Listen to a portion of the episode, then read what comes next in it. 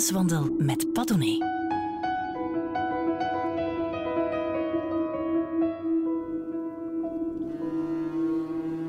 Dirk de Wachter en ik hebben elkaar in de loop van de jaren vaak ontmoet. Te landen of in Parijs.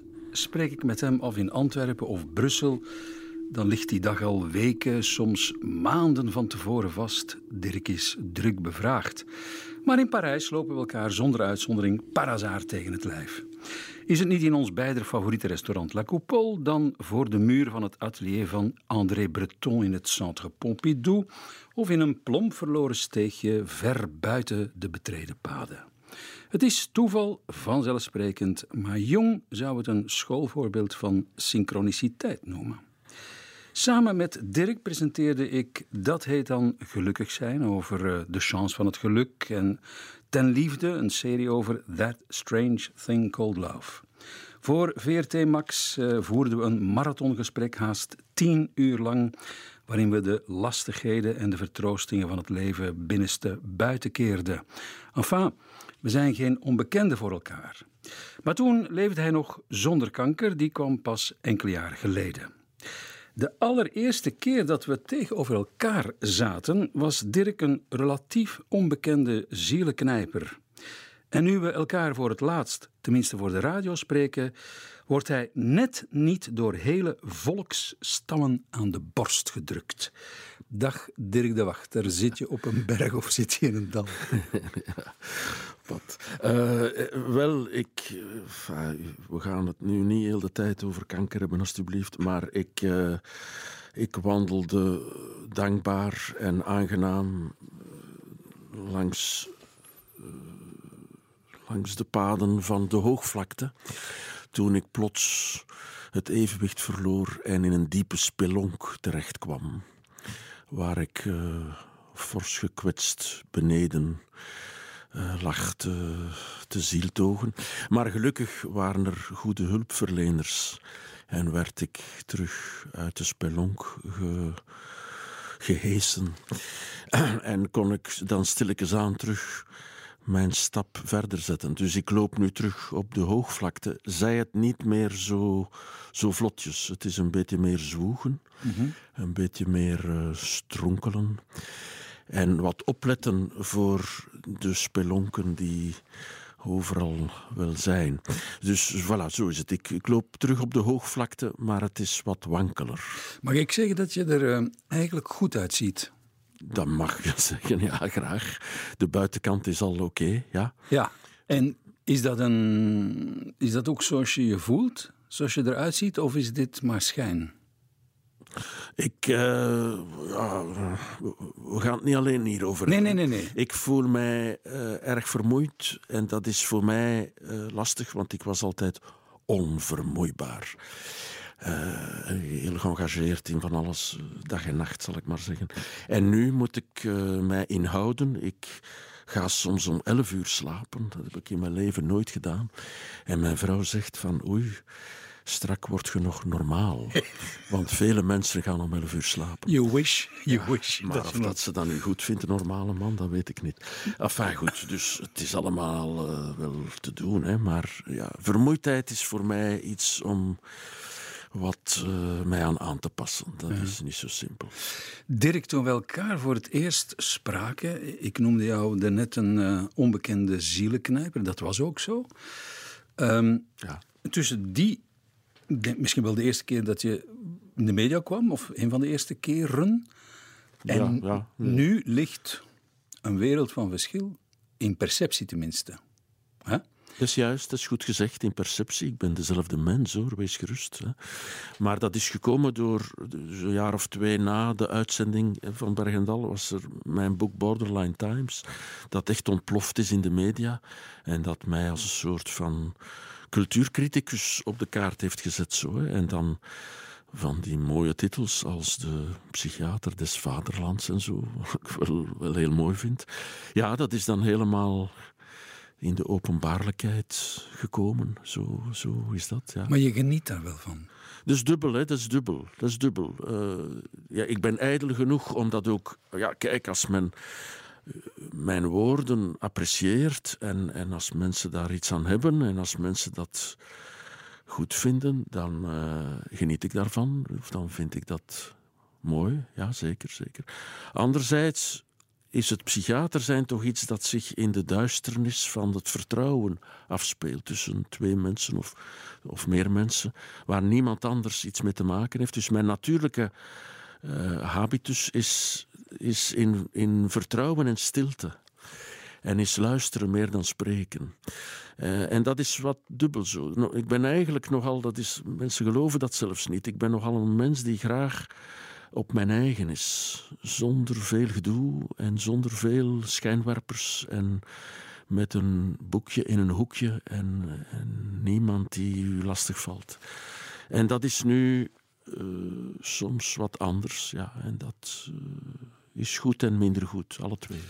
In loop van de jaren, ik zei bijna de eeuwen, dat ik mensen tegenover me heb, ben ik gaan constateren dat, en ik schrijf dat ook in mijn boek, dat de jonge jaren alles bepalend zijn, determinerend voor uh, het later leven van iemand. Niet alleen wat hij gaat worden, maar wie hij ook is, of zij. Mm.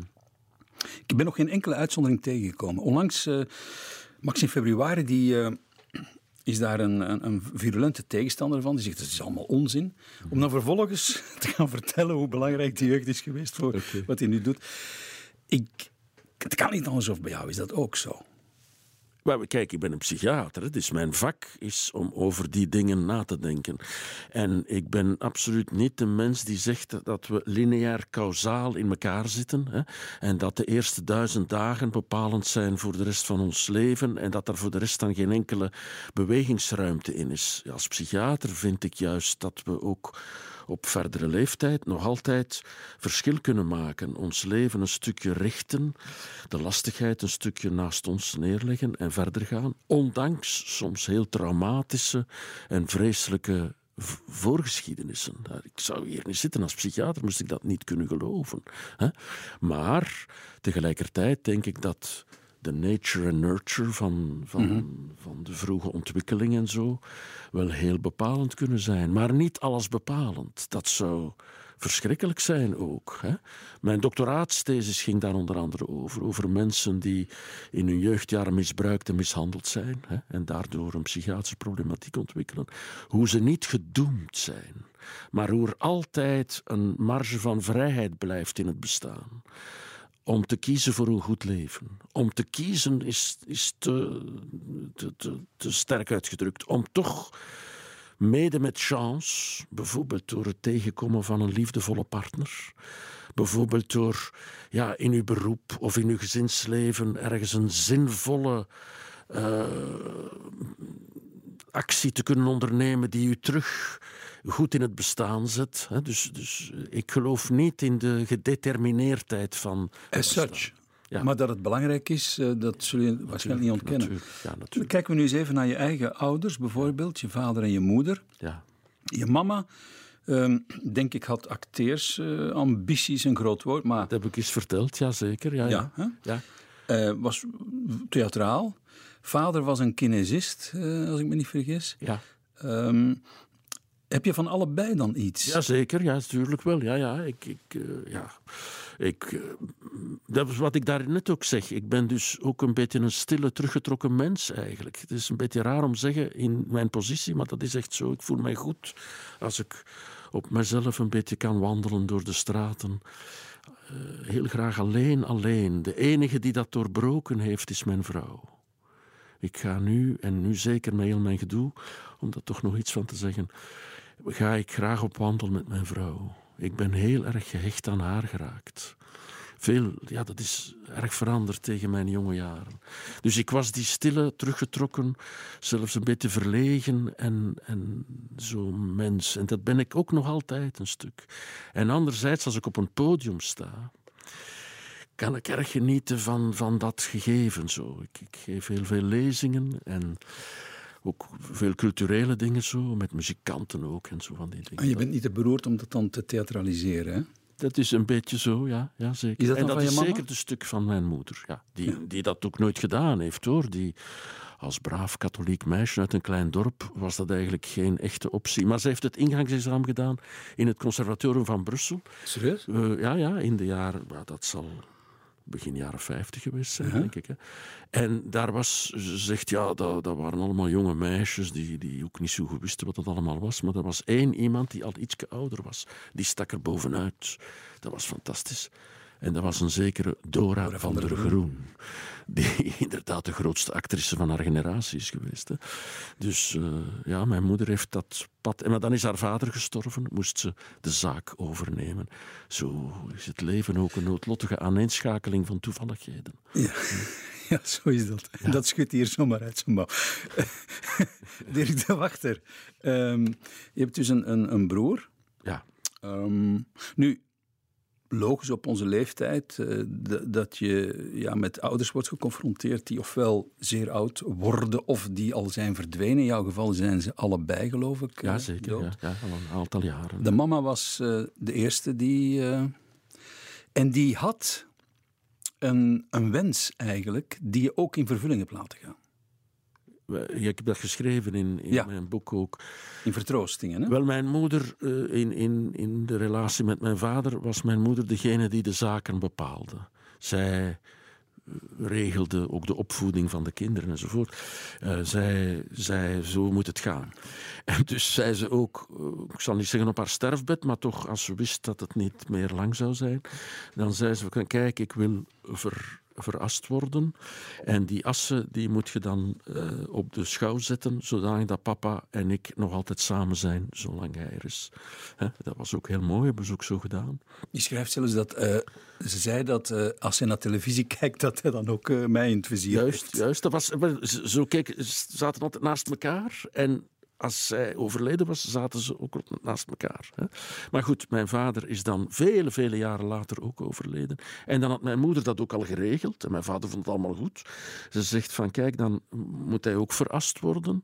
En dan doet je die assen samen. In één urne. Daar had hij niks aan te zeggen. Dat was allemaal. eh, Hij vond dat goed ook. Hè? Hij vond dat goed. Nee, hij had daar niks aan te zeggen. Hij wou er ook niks aan zeggen. Hij vond dat goed. Hij had er zelf allemaal zo geen gedachten over. En hij volgde haar daar naadloos in. En dan mengt je die assen, zegt ze. En dan, dan de volgende stap, dat is dat je dat eh, uitstrooit, samen met mijn broer, in de zee. Eh, omdat ze altijd, ze, hadden, ze huurden een appartement eh, met zicht op zee. En daar waren ze heel graag, mijn moeder vooral, vond ze ultieme bekroning van haar bestaan om in knokkenzoet naar de zee te kijken. En eh, zo hebben we dat ook gedaan. We hebben dat met een bootje kunnen dan zo uitvaren met de hele intieme familie. Hebben we die assen, dat wordt zo gedaan met een urne in een zoutkorst, is dat. En die wordt samen met mijn broer, heb ik die neergelaten. En de boot heeft dan getoeterd en de kapitein gesalueerd. En dat was heel mooi eigenlijk, dat was echt heel mooi. is dat een, een, een laatste soort ehm, groet die je kunt brengen aan je ouders? Wel, ik, ik hecht heel veel belang aan rituelen, Ja, ja. ook als psychiater. Zo. Geritualiseerde vormen van afscheid en zo. Ja, dat was heel mooi, want dat was een beetje uitgesteld door corona. Kon dat niet zo onmiddellijk, maar mijn broer heeft dat allemaal goed geregeld. Met heel de familie, met de muziek die we ook belangrijk vinden, met een aantal teksten die we belangrijk vinden. Iedereen samen zo. Mijn dochter hoogzwanger toen. Heel bijzonder was dat. Ja, heel mooi. Heel Als je daar nu op terugkijkt, eh, heb je het idee dat naarmate je ouder wordt, dat het terugkijken ook verandert? De blik op je ouders bijvoorbeeld? Want ik herinner mij dat je toen, Ja, we spreken over 13 jaar geleden, ja. dat je toch eh struggelde, worstelde met, met die vader van je. Ja, dat is niet veranderd. Dat is niet veranderd. Mijn vader is een hele lieve man. Een stille, lieve man die... eh, ja, heel welwillend. En heel, maar die toch ook... ik, weet niet wat, ik weet niet meer wat ik vroeger gezegd heb, maar die... eh, ik was een goede leerling op school en hij had zo voor mij plannen dat ik het ver zou brengen. Hij was hard, zei je. Nee, hij was heel... Je moest cardioloog worden. Ja, ja, hij was helemaal niet hard. Hij was heel zacht en lief. Maar daaronder zat zijn eigen grote frustratie. Hij had altijd graag dokter geworden. En door de oorlog en alle omstandigheden is dat niet zo gelopen. Hij was dan kinesist. Hè. En ik moest dan dokter worden. Ik heb dat ook gedaan. En dat vind ik ook nog altijd een goed idee. Maar dan het psychiater worden... Ja, dat is dan ook vanuit zijn visie, financieel en zo, niet de ultieme toestand die hij zich gedroomd had. Zo. Maar dan als cardioloog had jij dus toch nooit over verstroostingen kunnen gaan uh, schrijven? Was jij nooit opgevoerd als de, de paterfamilias van, uh, van het land? Ja, maar voor hem was succes toch meer verbonden aan financiële toestanden Ja? dan aan gemediatiseerde toestanden. Ja, ja, dat gemediatiseerde vond hij ook, ja, dat vond hij toch ook allemaal altijd gekakel. Dat was minder zijn ding. De 16 vragen van de wachter. Oh, ja. Ja, maar ja, wat je allemaal in je leven hebt gedaan, dat is niet te geloven. Ja, ja, ik heb soms het idee dat je eh, liever journalist was geworden dan psychiater. Eh, ik, ik kijk graag over de schotten heen en het psychiater zijn is daar heel ideaal in. Je- dat is een heel brede manier om, om over de wereld te, te schouwen. En inderdaad, de 16 vragen, maar ook allerlei andere dingen. Het ontmoeten van allerlei mensen, zeker. Ja, ja, dat is juist. En die 16 vragen heb je eh, voor een eh, blad, het nieuws, eh, nee, het laatste nieuws, geformuleerd. En die worden nu nog altijd gebruikt in een interview. Ehm, wel, ja, kijk, het, het ligt voor de hand dat ik natuurlijk een aantal van die vragen nu eens een keer aan jou ga stellen. Ik ben zelf ook gepasseerd langs die vragen. Hè. Dat is, ja, Zou jij- meegemaakt. Ja? Iets willen veranderen aan je geschiedenis? Ja, wel, ik had liever ziek geworden. Hè. Voilà, ja. Dat is wel heel duidelijk, ja. Eh, we maken daar het beste van. En je moet van het nadeel een voordeel maken in het bestaan. Maar als de keuze er zou geweest zijn, had ik hier liever eh, kerngezond en kip lekker gezeten. Hè. Laten we daar eh, niet onnozel over doen. Je bent niet het soort mens dat, dat ineens ook gaat eh, sacraliseren zijn ziekte. Hè? Je hebt dus Zeker niet, nee, tuurlijk niet. Hij zegt van, goh, maar ik ben een heel ander en beter mens geworden daardoor. Absoluut niet. Nee, ik ben ook niet veranderd. Hè. Dat zeg ik ook altijd met nadruk. Ik heb niet ineens het licht zien schijnen. Ik ben niet ineens veranderd in mijn opinies over leven en dood, over de hemel of al die dingen. Hè. Daar had ik al veel over nagedacht, omdat ik natuurlijk in mijn beroep ook al veel mensen heb ontmoet die in zo'n situatie zaten.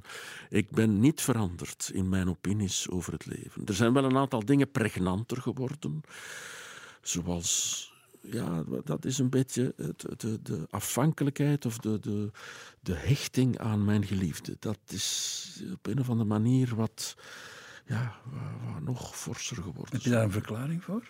Ja, dat is het zo'n tode leven. Hè. Ja, Dat is dus, eh, dat, dat, dat ja, het einde toch ergens concreter wordt. Zo. Wat, ik hoop van niet, hè, maar nee, het, Mhm. het, het is daar toch ergens als een wolk aanwezig. En dan klamp ik mij wel wat vast. Zo. Bij momenten hoor, bij momenten. Als ik, het, als ik me niet goed voel of ik weet niet wat, dan eh, Mhm. heb ik haar graag heel dichtbij. Zo is dat. Ja. Je mag hier nog tot 25 juni boeken meebrengen. Waar mag dat nog in de media? ja, juist. ja. Je bent een vermoede lezer, Dirk. Ja. Altijd heel fijn om met jou over boeken te praten. Het eerste boek dat je eh, ons wil ehm, cadeau doen, bij mij van spreken, is een Odyssee van ehm, David Mendelssohn. Dat is een eh, literatuurcriticus, vertaler, klassicus ook uit New York. En die schrijft een boek over een J. Mendelssohn, een gepensioneerde wiskundige, een tachtiger. Ehm, die besluit om een universiteitsseminarie te volgen over de Odyssee van eh, ehm, de be- bekende Odyssee. Ehm, maar wel bij een specifiek iemand, namelijk zijn zoon. Nu, ehm, ik heb het ook gelezen. wat, wat, mij daarin frappeert, dat is hoe hij erin slaagt om de ratio en de emotie, eigenlijk eh, de intelligente emotie, in elkaar te laten overvloeien. Dat is van een zeldzaamheid die. eh, waar, maar voor jou heeft het dan nog een specifiekere betekenis, denk Dat is heel bijzonder. Dus ik heb dat boek gekregen van mijn zoon. ik. Oh ja. Ik heb een zoon psychiater. Ik raad ook iedereen aan om een zoon psychiater te hebben. Een vader psychiater, ik weet niet dat dat, dat, dat interessant is, maar een zoon psychiater is wonderlijk. Ja? Ja, dus ik lag op mijn ziekbed, ik kon in het begin niet meer lezen. Dan bracht hij mij gedichten en uh, films en zo. Hij zorgde goed voor mij. Maar van zodra ik terug wat beter kon lezen, dan kwam hij af met dat boek van Mendelssohn. Hij zegt van, ik heb twee exemplaren gekocht, één voor u en één voor mijzelf. En we gaan dat samen lezen. En inderdaad, dan lazen we zo stukjes. Ik moest mij wat inhouden, want ik had natuurlijk, ik lag daar op mijn bed niet veel te doen. En hij werkte als psychiater. Uh, dus, dus ik moest een beetje temporiseren altijd. Maar dan stuurden we, hoe heet dat, uh, zo WhatsApp-berichten aan elkaar over het boek. En, zo. en dus het, het was tussen ons een dynamiek tussen vader en zoon. Ja, ja. En het gaat, het boek gaat over een vader en een zoon die een geschiedenis lezen van een vader en een zoon. Ja. Namelijk Veel, Odysseus en veel meer meta ga je niet kunnen vinden. Hè? Inderdaad, dat was wonderlijk. Ja, ja, maar echt wonderlijk.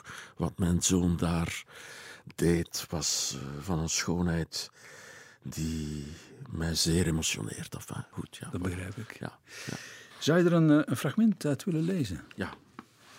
Een stukje als ze, zijn op cruise eh, in eh, de, Griekse eilanden en ze volgen een beetje het pad van, eh, van Odysseus. Zo, hè. En vader en zoon gaan op een wankel pad. En de zoon heeft hoogtevrees en is heel bang. En de vader houdt hem vast. En daarna, op het schip, zegt de vader van ja, ik word wat oud en wankel, zegt hij tegen de andere mensen. En daarom is het toch goed dat mijn zoon mij goed vastgehouden heeft. Prachtig zo. Enfin, klein stukje.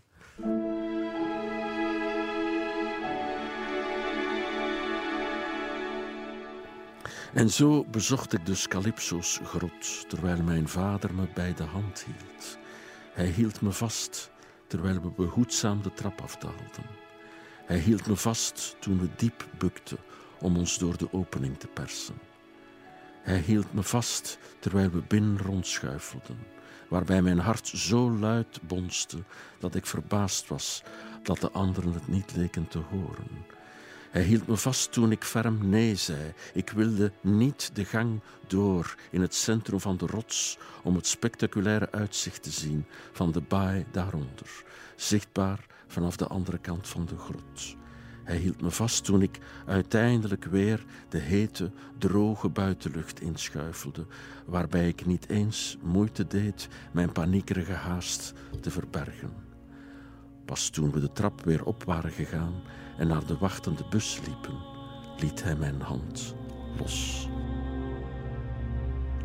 Dirk de Wachter las uit Een Odyssee van eh, David Mendelssohn.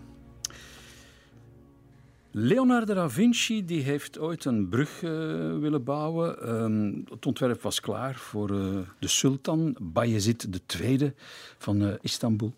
Maar die vond het, de hele onderneming zo megalomaan dat hij het gewoon heeft afgeblazen. Gelukkig is er Marco Beasley, want die schrijft of die zingt over die brug van Leonardo. Il Ponte di Leonardo.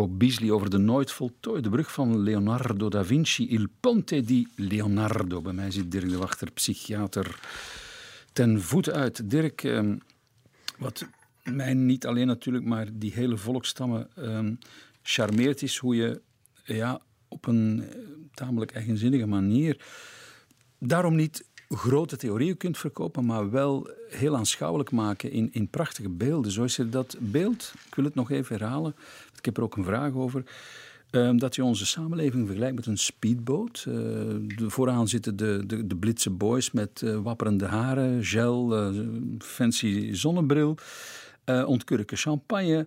En achteraan vallen mensen uit de boot. En jullie, de psychiaters, de hulpverleners, die erachteraan zitten en proberen die mensen die dat wrakhout eigenlijk op te vissen. En nu zeg je, en die weer op die speedboot krijgen, dat is verdomde lastig. Is dat zo lastig dat het eigenlijk onmogelijk is? Nee, het is niet onmogelijk. Het is niet onmogelijk. Er zijn zeker wel mensen die we terug eh, in de rat race krijgen, om het zo uit te drukken. Zeker, hè, ja. De psychiatrie ze heeft succesvolle behandelstrategieën ook. Hè. Maar toch, eh, het is niet voor niks dat er zoveel, we noemen dat nu burn-out is, zoveel mensen die uitvallen om psychische redenen. Hè, daar zijn statistieken van, dat neemt erg toe. Eh, dus ik wil daar fundamenteel over nadenken. Dat psychiatrie iets is in de maatschappij.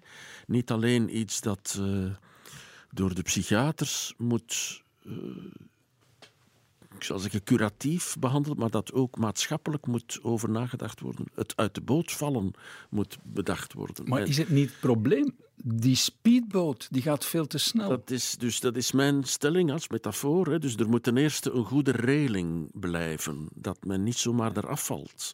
Hè. Dat gaat over heel ons sociale zekerheidssysteem en alles. De houvast van mensen die, als ze het een beetje moeilijk hebben, niet onmiddellijk in de, in de zee duiken, maar zich kunnen vasthouden. En het is ook een pleidooi van solidariteit waar mensen elkaar vasthouden. Enfin, je kunt die metafoor heel erg doortrekken. Maar de snelheid van de boot is ook een probleem. Over- Overigens ook een ecologisch probleem. Ja, Door dat ja, ja. heel snel varen gaat het visbestand verloren. Enzovoort. Enfin, men kan dat allemaal. Dus, maar dat is een hele moeilijke. Hè? Ik geef wel toe dat. eh, er zijn theorieën over vertragen en zo, dat dat niet zo evident is. Degrowth onze- is nu een beetje populair bij jonge mensen. Dus die... Ja, maar vertragen. Hier kan ik mij nog iets voor in een kleine eh, niche weldenkenden en goed levende mensen die kunnen zeggen van goh, ik ga een beetje minder vliegen en ik ga wat soberder zijn en zo. Maar over de wereld kunnen wij vragen aan de Afrikaanse bevolking om wat te minderen. Allee, dat is absurd. Hè? Dus over de wereld willen mensen vooruit. En dat is ecologisch een hele moeilijke. Dus ik ben daar niet uit. Ik weet het ook niet goed hoe. hoe Maar is dat, dat is een grote uitdaging toch? maar, maar, maar, maar is dat niet abdiceren? Ik bedoel, je bent toch ook iemand die aan de weg timmert, eh, Ja, waar ja, mensen ja. naar opkijken. Zeggen van, ik ben daar niet uit. Dat lijkt mij ik, ik, een makkelijkheidsoplossing. Nee, nee, nee. Ik, ik wil aan politici en aan maatschappijdenkers en aan sociologen en aan, wil ik eh, dit soort denken aanreiken. Zeggen van kijk, meer mensen vallen uit de boot in onze fantastische maatschappij die materieel het heel goed heeft. Lijken meer en meer mensen het niet verder aan te kunnen.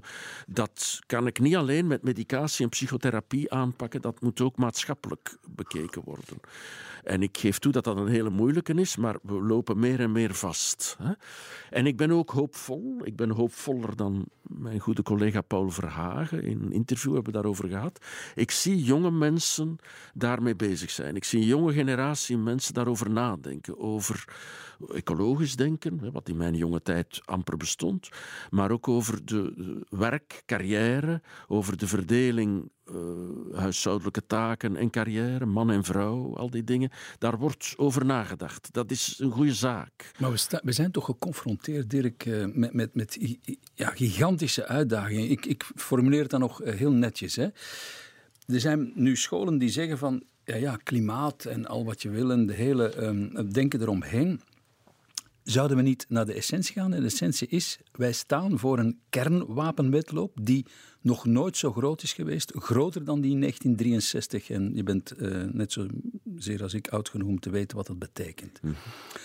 Met andere woorden, ehm, en, en dat, dat zijn echte specialisten, hè, kernwapenspecialisten, die zeggen wij staan voor een gigantisch, gigantisch, gigantisch groot probleem.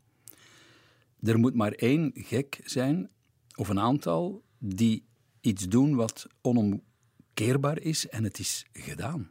Ja, daar zijn we, wij, wij mee opgegroeid. Met, met die, de Koude Oorlog en heel die dingen. Daar zijn we mee opgegroeid. Dat is zelfs de laatste jaren.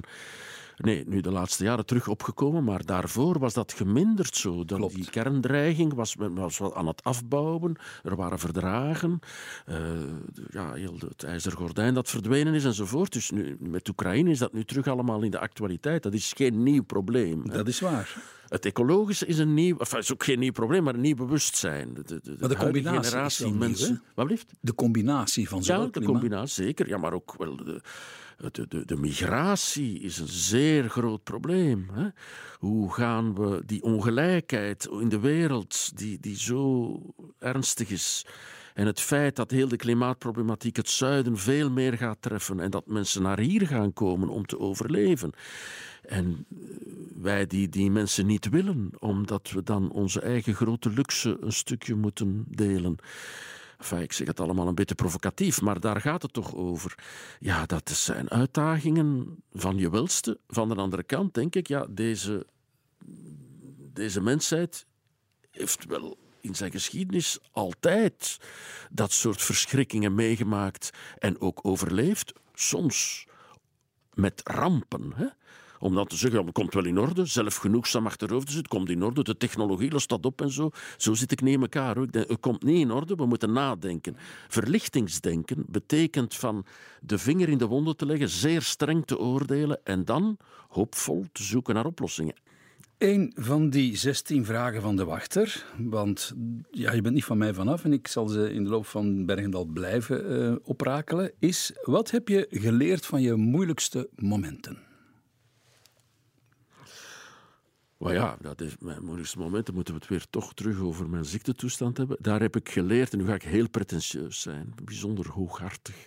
Ik heb geleerd dat wat ik voordien in theorie verkondigde, namelijk dat de nabijheid van de ander cruciaal is voor het goede leven, dat heb ik ondervonden aan den lijve.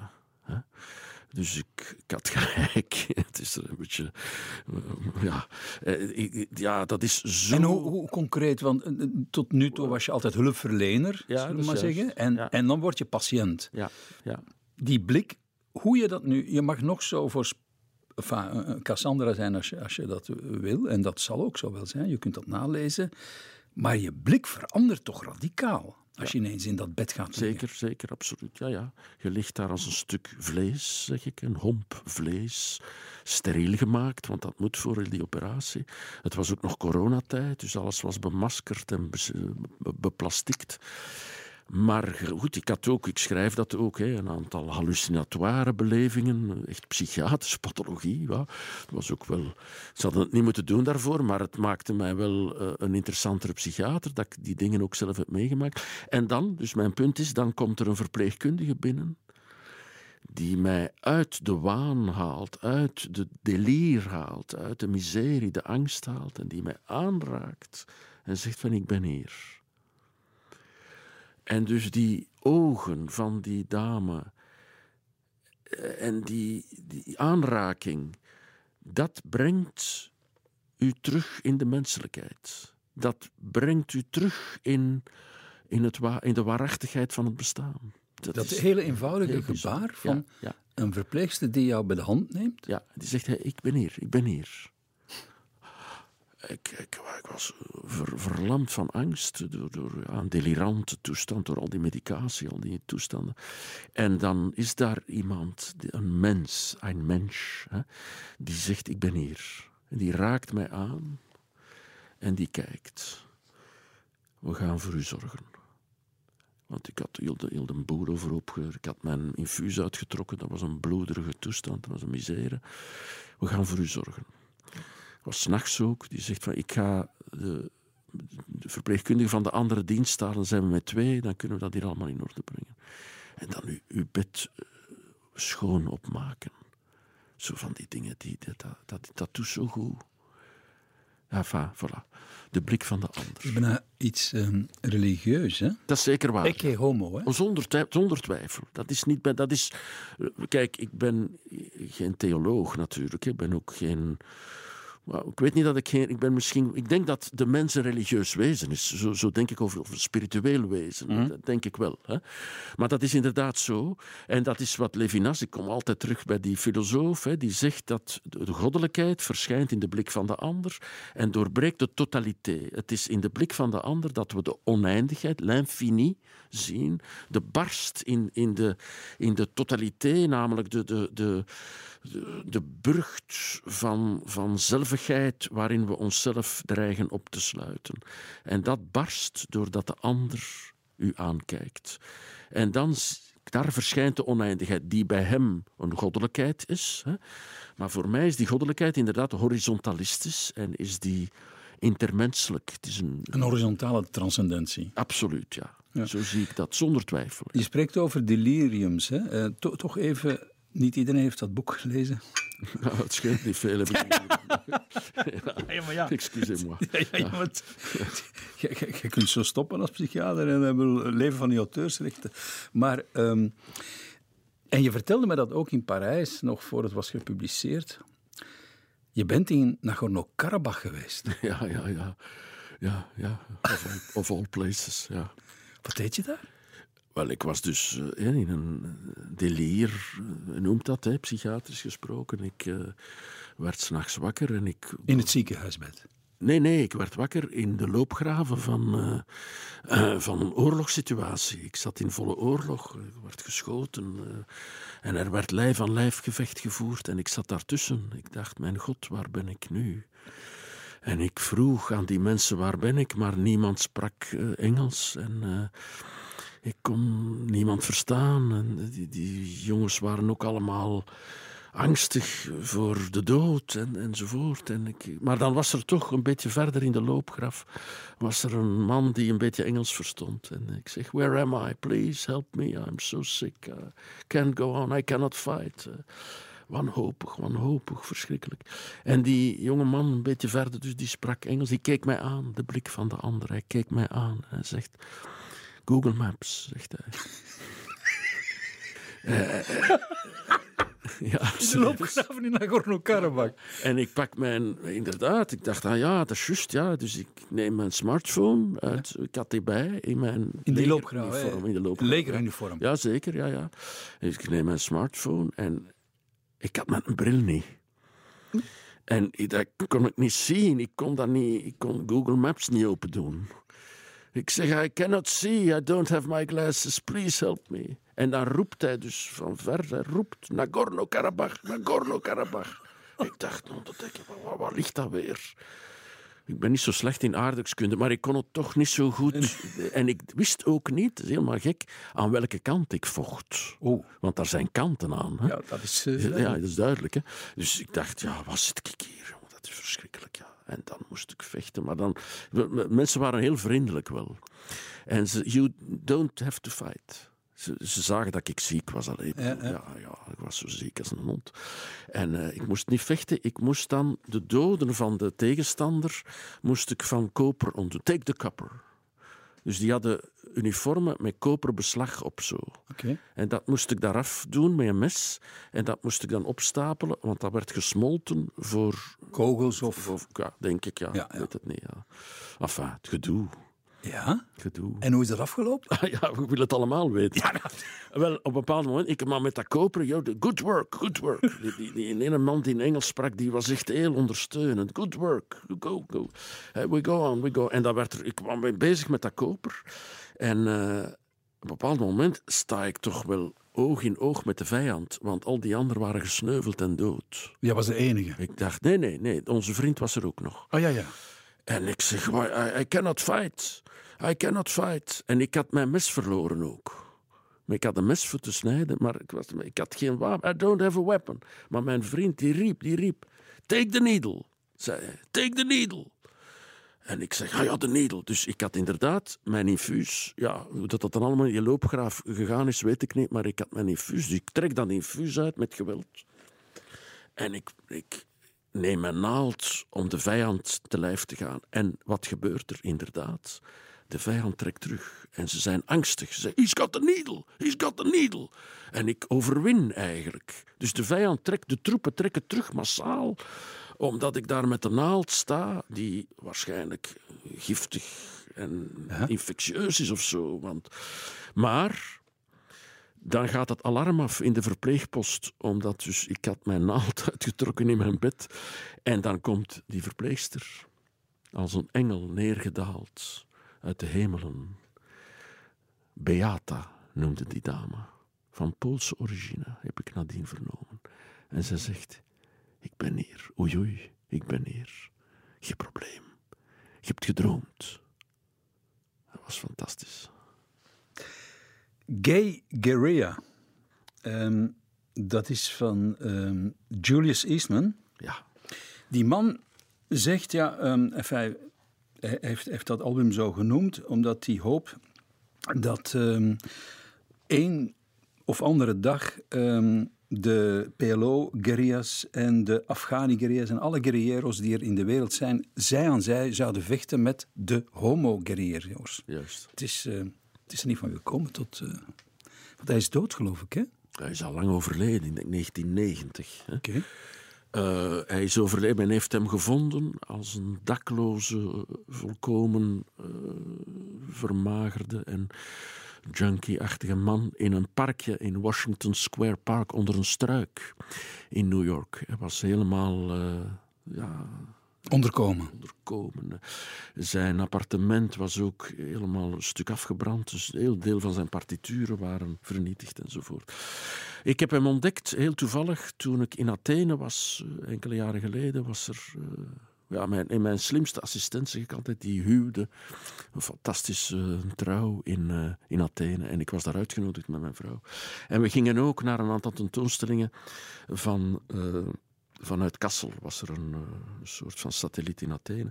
En we kwamen voor een tentoonstelling in het conservatorium van Athene, waar ook grote schilderijen hingen die weinig interessant waren.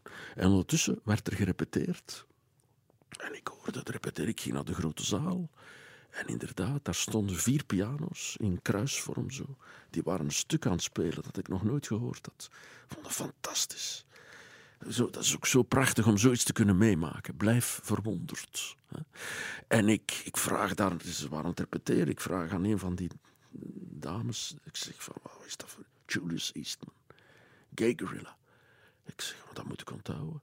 Ik had nog nooit van Julius Eastman gehoord. Ik geef hem in. Ah, nee, niemand, hè, niemand, niemand kende dat enzovoort. Dus ik dacht, dat, dat wil ik op de kaart zetten. Dat is, ik heb dan heel die muziek gaan, gaan verzamelen, al die fantastische composities, eh, de zogenaamde minimalistische muziek, maar het is eigenlijk maximalistisch-minimalistische muziek. Heel bijzonder, met referenties naar Bach, maar ook wel naar de popmuziek, naar, naar van alles. Geniale muziek vind ik dat, die helemaal onbekend is geworden, in tegenstelling tot de muziek van Philip Glass en van Steve Reich en al die minimalisten van eh, na John Cage. Hè. Dus eh, ja, en dan heb ik dat. Er was maar één, ook, ook in de muziekwereld en, en producers en, en muziekkenners, die kenden dat niet. Eén mens kende dat. En dat was Daan van de Wallen. Daan van de Wallen komt bij mij thuis om te repeteren, omdat we samen met Bram Nolf hebben een soort theatershow. En ze komen repeteren. Ik zeg aan, eh, aan Daan, ik zeg, Julius Eastman, kent je die? En Daan begint uit het hoofd Gay Gorilla te spelen op mijn piano. Mooi. Ongelooflijk. En hier horen we het met Julie Eastman.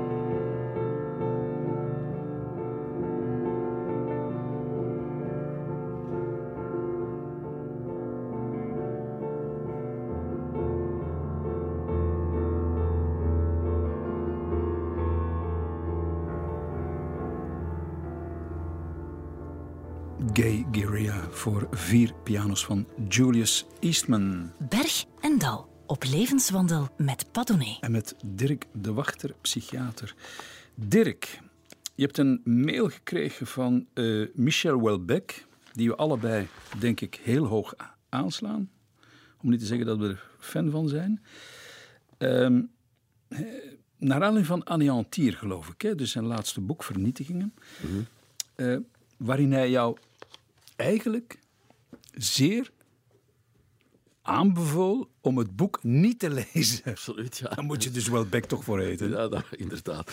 Ah, wel ja, dat was, de aanleiding was... Ik, ik heb ook een... Uh, uh, een van mijn boeken is in, in Frankrijk uh, uitgegeven en uh, daar wist hij ook van. Mij had ook gevraagd om een voorwoord te schrijven. Dat is niet gebeurd. Cyril Nuc heeft een voorwoord geschreven, wat ook een grote eer is. Maar zo hadden we terug wat contact na, na vele jaren onderbreking eigenlijk. En hij wist dan dat ik erg ziek was en hij stuurde mij een aantal zeer vriendelijke mails om mij te ondersteunen. En ik wenste hem proficiat met zijn nieuwe boek, hè, dat ik zeker ging kopen de dag dat het uitkwam. Hè. Uh, en uh, hij zegt, ja, maar je mocht het niet lezen. Het is, ik verbied het u om het te lezen. Hm. Ik zeg, wat is dat allemaal? Ik, ik, zeg, dat ga ik niet doen. Ik luister niet, hè, zelfs niet naar Willebeck. Maar goed, achteraf heb ik wel begrepen wat hij bedoelde. Hè. Het boek gaat over... Enfin, het gaat over van alles. Uh, het is fantastisch complex weer, maar het gaat ook over een man die kanker heeft en behandeld wordt en een vreselijk miserie heeft en uiteindelijk ook wel sterft. Hè. En hij wou mij dat besparen, denk ik. Wat niet nodig was, ik heb het boek gelezen. Het is een prachtig boek, wat mij heel veel getroost heeft. Ik heb het boek heel specifiek gelezen elke keer als ik op de chemo was. Oh ja, dus ik heb, serieus? Na mijn operatie had ik twaalf sessies chemo. Hè. En het boek is ongeveer twaalf hoofdstukken. En ik heb elke keer, zit, zit je daar met die bakster eh, in een bed, hè, heb ik uh, een stuk gelezen. En dat was heel troostend. Dus heel mooi. Zelfs voor iemand die tot nader orde tamelijk gezond is, voor mij ja. ook heel troostend. Ja, en ja. vooral over uh, hoe hij het heeft over uh, het kwetsbaar ouder worden, het afscheid nemen. De, de... Maar je, wil je er een, een, een fragment uit lezen? Jazeker, ja, ja, graag, graag. Het is eigenlijk het einde van het boek, Dirk. Ja, ik, ja, ik vind het ongelooflijk mooi hoor. Ze wandelen in een bos. Eh, brede kaarsrechte lanen die elkaar loodrecht kruisten en zich uitstrekten voor zover het oog reikte, bedekt met vuurrode en gouden bladeren, wat natuurlijk het beeld van de dood opriep. Maar dit keer een vredige dood, de dood die we met een lange slaap associëren.